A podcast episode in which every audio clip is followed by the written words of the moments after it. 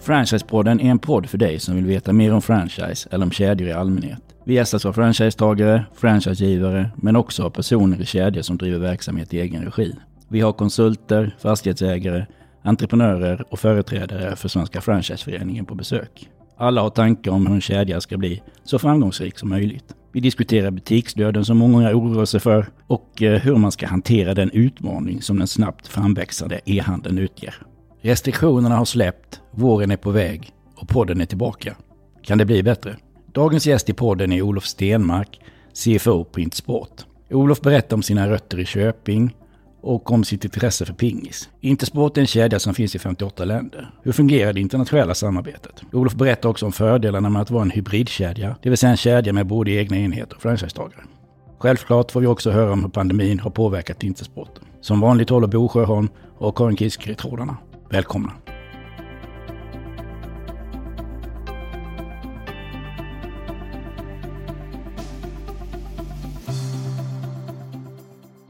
Välkommen hit till Franchisepodden Olof Stenmark, CFO på Intersport. Ja, tack så mycket. Kul att ha dig här. Du är ju faktiskt första gästen här nu på det nya året. Hedrande. Vi har haft ett litet uppehåll nu med tanke på omikron eller vad det är hur man uttalar det. Men nu så. Vi spelar in det här en fredag eftermiddag eh, i slutet på februari. Restriktionerna har släppt. På förmiddagen lyste solen. Hur har din vecka varit? Nej, men det har varit en, eh, varit en bra vecka. Det är ju sportlov också. Så att eh, många kollegor är borta och det gör ju kanske att kalendrarna luckras upp lite. Man får chansen att städa bort lite gammalt som man har haft, haft hängande över sig och, och kunna ja, jobba på bra. Hinna med och umgås lite med barnen också. Det är bra. Man glömmer bort att det är sportlov när man har barn som inte går i skolan längre. Mm. Nu är min äldsta son lärare så han har också sportlov. Det är bra. ja. Du, vi brukar börja lite privat. Kan inte du kort berätta, vem är Olof och eh, vad har du för bakgrund? Jag är ju 35 år och bor i Mundal här utanför Göteborg med min fru, två barn och eh, en liten katt. Kommer ursprungligen ifrån eh, Köping i Västmanland. Komma tillbaka då, om man tar hela kronologin då, så flyttade jag från Köping för eh, 15 år sedan ungefär. Pluggade som till civilekonom i Jönköping och eh, där träffade jag också min fru då. Så, så eh, flyttade vi till Göteborg så småningom. Vad gör jag i, Göteborg då? Ja, förutom att jobba så, så umgås jag som sagt med, med, familjen och eh, spelar lite innebandy med grannarna. Har varit lite problem nu under eh, restriktionerna. Det är väl ungefär där. Ja, Du sa att du bor i Mölndal med eh, fru och två barn och en katt. Eh, då kan man ju inte låta bli att undra, vad är det för ras på katten? Den är, det är en ragdoll, eh, ragdoll-katt. oh, det är en sån här fin, så när man tar i den så hänger den blir helt lös va? Ja, och, och vit med sån här eh, mörkt eh, ansikte. Oh, så är fin. det, det där är faktiskt lite roligt, för jag har också en katt. Och det är också en ragdoll. Det Ja, är, samma. och eh, är det likadant med din katt? För så fort jag sätter på kranen och ska duscha så kommer katten. Och vill dricka vatten. Nej, han sätter sig bara på kanten och tittar. Och det, det, det googlade jag. Och ragdoll är kända för att när du sätter på en vattenkran så kommer katten springande. Det är jättemärkligt. Det har inte med saken att göra överhuvudtaget. Det visste men jag inte, men det är intressant. För min katt kommer också då. Men han vill ju också dricka vatten. Så Ja. att jag får se till att stänga. Och... Ja, det är underbara katter. Eh, Du har dina rötter, berättar du, i Köping i Västmanland. För mig som är idrottsidiot så är Köping känt för bandy och pingis. Har du sysslat med bandy eller pingis? Jag har faktiskt sysslat med båda, båda sporterna. Bandy under en kortare eh, period. Pingis höll jag faktiskt på med ganska länge. Så att, eh, ja, det slutade jag med ungefär när jag flyttade då. Kanske jag höll på lite till, till och med. Men, men jag tycker det där är också intressant, för, för någonting som, eh, det man höll på med då i ungdomen, det, det, det sitter ju i en. Jag är ju fortfarande pingisspelare, fast jag inte har hållit i ett racket på i alla fall tio år. Så, så det är ganska häftigt med just, ja, hur föreningslivet sätter sig också för framtiden. Mm. Jag har också spelat pingis. Det är en fantastisk sport på det sättet att du kan egentligen hålla på tills dess du ramlar ihop. Ja. Det, är, det, är, det är ju jättemånga som håller på uh, upp i pensionsåldern. Det är en fantastisk på det sättet. Och de kan vara väldigt duktiga också. Man kan få stryka av några riktiga sådana här... Ja, ja, eh, eh, ja. Men jag tänkte på pingis. Det finns ett, ett eh, pingisgymnasium i, i Köping också. Och, och framförallt tjejerna är riktigt duktiga. Ja, det är ju ett, topplag år efter år. Så de är, är super, superduktiga. Känner du Filip Hammar? Nej, det gör jag inte. Eh, han är några år äldre än mig, så vi har ju missat varandra. Han hade säkert eh, ja, flyttat ut. Men mina föräldrar är ju eh, eh, superkompisar med Philips föräldrar. Eller i alla fall kompisar. Ah, Trevligt. En av anledningarna till varför du är här idag, det är ju också för att vi vill uppmärksamma att eh, du har vunnit ett pris. På Svenska Franchiseföreningens årliga Frannegala 2021 så blev ju du utsedd till årets CFO. Hur känns det och varför tror du att du fick det priset? För det första jättehedersamt och, och otroligt roligt att få, få det priset. Nej, men jag tror, som motiveringen löd så var det väl mycket med kommunikationen ut mot eh, franchisetagarna. Eh, och eh, under den där perioden så, så tror jag jag satte igång mycket mm, alltså, möten, digitala möten med, med, mellan eh, franchisetagarna och eh, personer från, eh, från kontoret. Då. Jag tror skapa ett ganska bra utbyte av kunskap, både, inifrån och ut och utifrån och in. Och vad jag förstår också så jobbar du med det här med att få franchisetagarna att förstå och bli bättre på sin ekonomi. Absolut, det blir ju en hjärtefråga. Nej men det blir ju det och det ju, vet vi att det är ju inte alla som är duktiga på det och då behövs det bra hjälp från franchisegivaren. Mm, nej men det tycker jag, det, det ingår väl på något sätt att försöka utbilda eh, i det också. Så att det, det blir ju jätteviktigt för en, för en franchisetagare som också ja, driver firma då. CFO på Intersport, hur länge har du varit med och jobbat i organisationen? Jag jobbar i organisationen egentligen i två, eh, vid två tillfällen. Jag, jag jobbade faktiskt direkt efter eh, jag slutade skolan. Jobbade ungefär ett eh, år på Intersport. Sen, sen eh, gjorde jag ett avbrott och blev revisor i, i nästan fyra år. Innan jag kom tillbaka då, eh, 2016. Och eh, då har jag varit eh, eh, framförallt redovisningschef. Ja, lite olika konstellationer. Jag har också varit eh, ansvarig för vår shared service center mot franchisetagarna under en period och, och även för hela, hela Intersport. Då. Men du var också head of franchise en eh, period. Ja, det var jag också. Så det, det, det kom ju där, eh, lite, lite drygt ett år var jag head of franchise. Hur ser en normal arbetsdag ut för dig? Det varierar eh, väldigt mycket. Jag, jag skulle säga att jag har de här traditionella CFO eller ekonomichefsdelarna med ja, redovisning, ekonomistyrning, ansvarig för löneavdelningen också. Det ligger i alla fall i min organisation då. Och, eh, men sen så har jag ju också, jag har ju fortfarande det här brinnande intresset för franchise. Eh, så att jag, jag får vara med i mycket av de kanske dagliga frågorna, hör av mig mycket, pratar mycket med, med dem och får eh, lite, lite eh, känning på pulsen där, vad som händer ute i landet. Sitter med i eh, ja, handlarrådet eller eh, vad vi kallar det, eh, som, som ständig sekreterare. Det är bra, då vet man vad som händer. Då vet man vad som händer, då får man höra eh, utan krusiduller. Precis. Du har inte släppt franchise helt, det hör jag. Nej, det har jag inte. Nej, det är svårt. Ja, det är svårt. Intersport är ju en internationell kedja. Hur många enheter har ni idag i Sverige? I Sverige har vi ungefär 100 under Intersportflagg. Internationellt, kan du den siffran? Ja, det är 5500. Så det är eh, världens största sportkedja. En fråga, är det så att vi, eller ni finns bara i eh, Europa eller är det resten av världen också? Det, det finns i re- resten av världen också. Det är några, vi finns inte i USA till exempel, men i Kanada. 58 länder. Du sa att, att det var 100 butiker ungefär under Intersportflagg. Men sen har ni löplabbet också om inte jag har fel för mig. Helt rätt. Löplabbet också, så löpspecialisten. Dit borde man gå. Tycker, tycker du det är väl, värt ett besök? Det är, Ja, Skorna kan jag köpa men sen ska de ju användas Jag också. Det tänkte- är där problemet ligger. Ja, Jag skulle precis säga det till dig Bosse. Vad ska du göra på löplabbet? Köpa ett par snygga skor? Ja. Jag måste fråga, var, varifrån kommer Intersport? Var ligger modern, om man säger så? moderbolaget ligger i Schweiz. Eller moderbolaget, det är Ja. inte riktigt så det Nej. funkar. Men vi är ett av grundarländerna i, i Sverige. Då, så vi är en av 13 länder som, som tillsammans äger då, internationella Intersport. Eh, om vi tittar då på den organisationen som finns i Sverige. Hur driftas den och vem äger den? Vi är ju en hybridkedja, vilket är lite spännande. Då. Så vi har cirka 70% centralt ägda eh, enheter, 30% eh, franchise-drivna enheter. Och, och det skedde ju en, eh, ja, en stor omorganisation då 2015. eh, Där vi fick en eh, ny majoritetsägare som äger också 70% av, av Intersport, eh, Adelis. Och eh, ja, det, det är så det driftas. Franchisegivaren sitter i Göteborg. Ja, hela kontoret sitter i eh, Göteborg. För Ni, ni hade huvudkontoret i Jönköping tidigare. Alltså. Ja, det hade vi. Det, det flyttade väl eh, 2007 kanske. Eh, ni har 5500 enheter i 58 länder. Hur funkar det internationella samarbetet? Det samordnas och, koordineras, alltså viss produktion av egna varumärken kan, kan samordnas och, och eh, produceras. Vi har också marknadsföring på de här stora eventen där det är ju väldigt bra om vi kan gå ihop eh, tillsammans med med internationella Intersport och vara med och synas. Och så blir det ju också, vi har ju en kraft gentemot eh, mot varu, varumärkena. Eh, att vi kan, eh, ja, vi, vi kan vara med och påverka en del. Och, och, så det, det är väl de stora fördelarna. Eh, som vi vet, 2020 var ju ett jättetufft år för större delen av detaljhandeln. Men hur känner ni att det har slagit mot eh, Intersport? Det slog ju, det,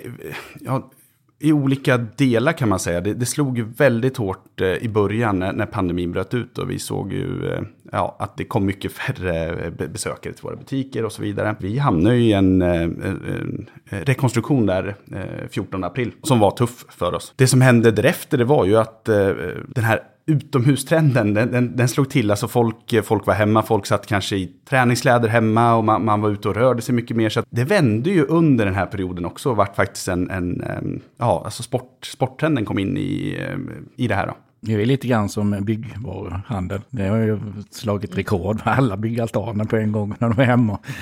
Att, eh, ja, men det är kul att det har vänt. Det, det är ju inte bara ni som drabbades, det var ju många. Vissa andra har gjort världens rekordår, så det har ju mm. slagit rätt blint. Mm. Ja, absolut. Nu har restriktionerna släppt och folk börjar leva. Det är folk på kontoret, det är helt ljuvligt. Tror du att den här pandemin kommer att få några långsiktiga konsekvenser för Intersport eller sporthandeln i, i, i allmänhet? Ja, men jag, jag, jag, tror eh, de marknadstrenderna, att eh, det kommer fortsätta. Outdoor-trenden kommer att leva vidare. Vi kommer att, vi, vi kommer att röra oss eh, mer. Det är min uppfattning. Hoppas det slår till på mig också.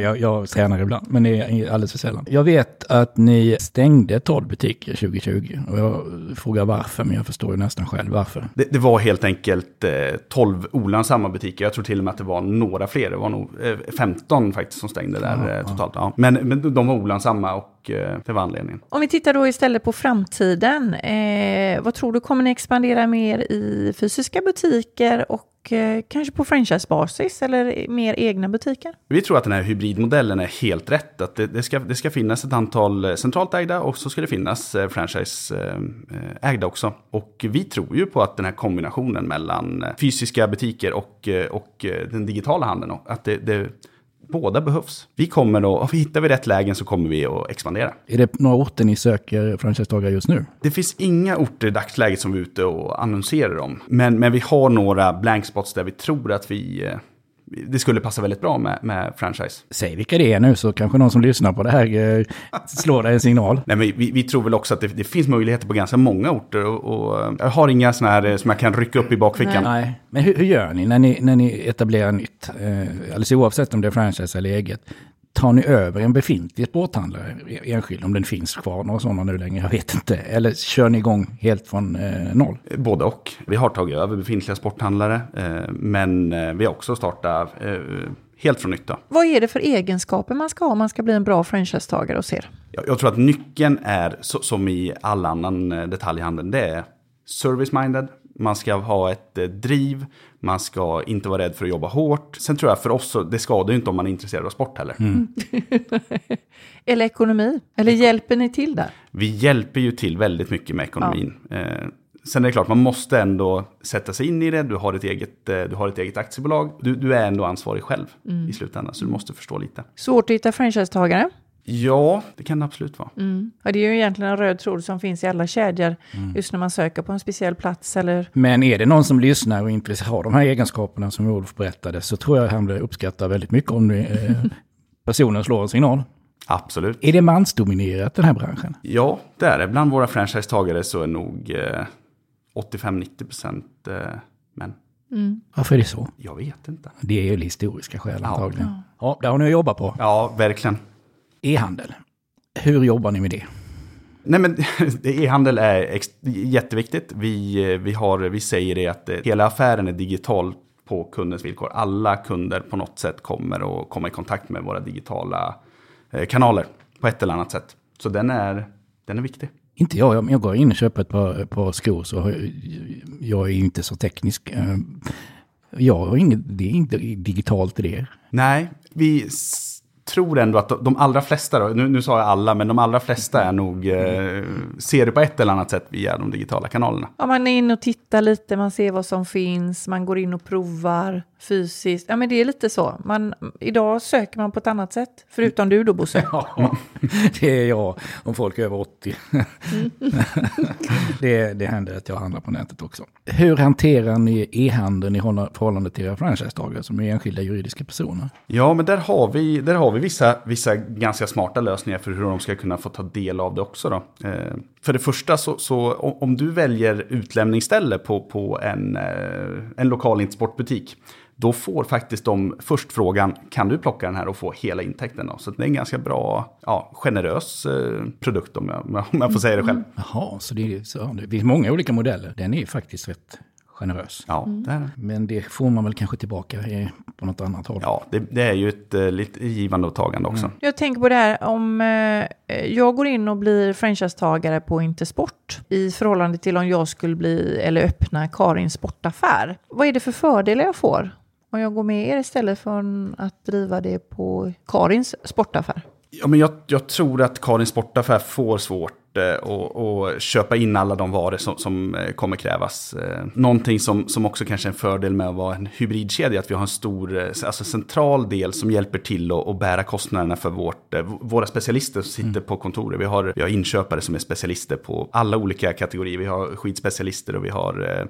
löpspecialister och vi har faktiskt också ett designerteam som, som designar våra egna varumärken som sitter här i, i Göteborg. Då. Det är väl en stor fördel, men sen så vi, vi gör det väldigt effektivt hela hela kedjan. Vi har ett stort fint centrallager som, som ser till att eh, ja, allting distribueras ut på ett väldigt smidigt sätt. Och, så, så både, både att du får expertis och eh, säkert kostnadsfördelar också. Mm. Du, jag tänker på, har eh, Intersport en specifik målgrupp eller om man säger täcker ni in hela spannet från baby till pensionärerna? Ja, men vi täcker in hela, hela spannet. Större kundgrupper inom vissa segment, men nej, överlag så täcker vi in alla. Är det just någon specifik sport som ni är bättre på? Eller försöker ni även där vara mer... Generalister ja. eller specialister? Ja. Nej, men vi, vi har vissa där vi är specialister och vi har ju som vi var inne på också, vi har ju en specialistkedja i ja. löplabbet.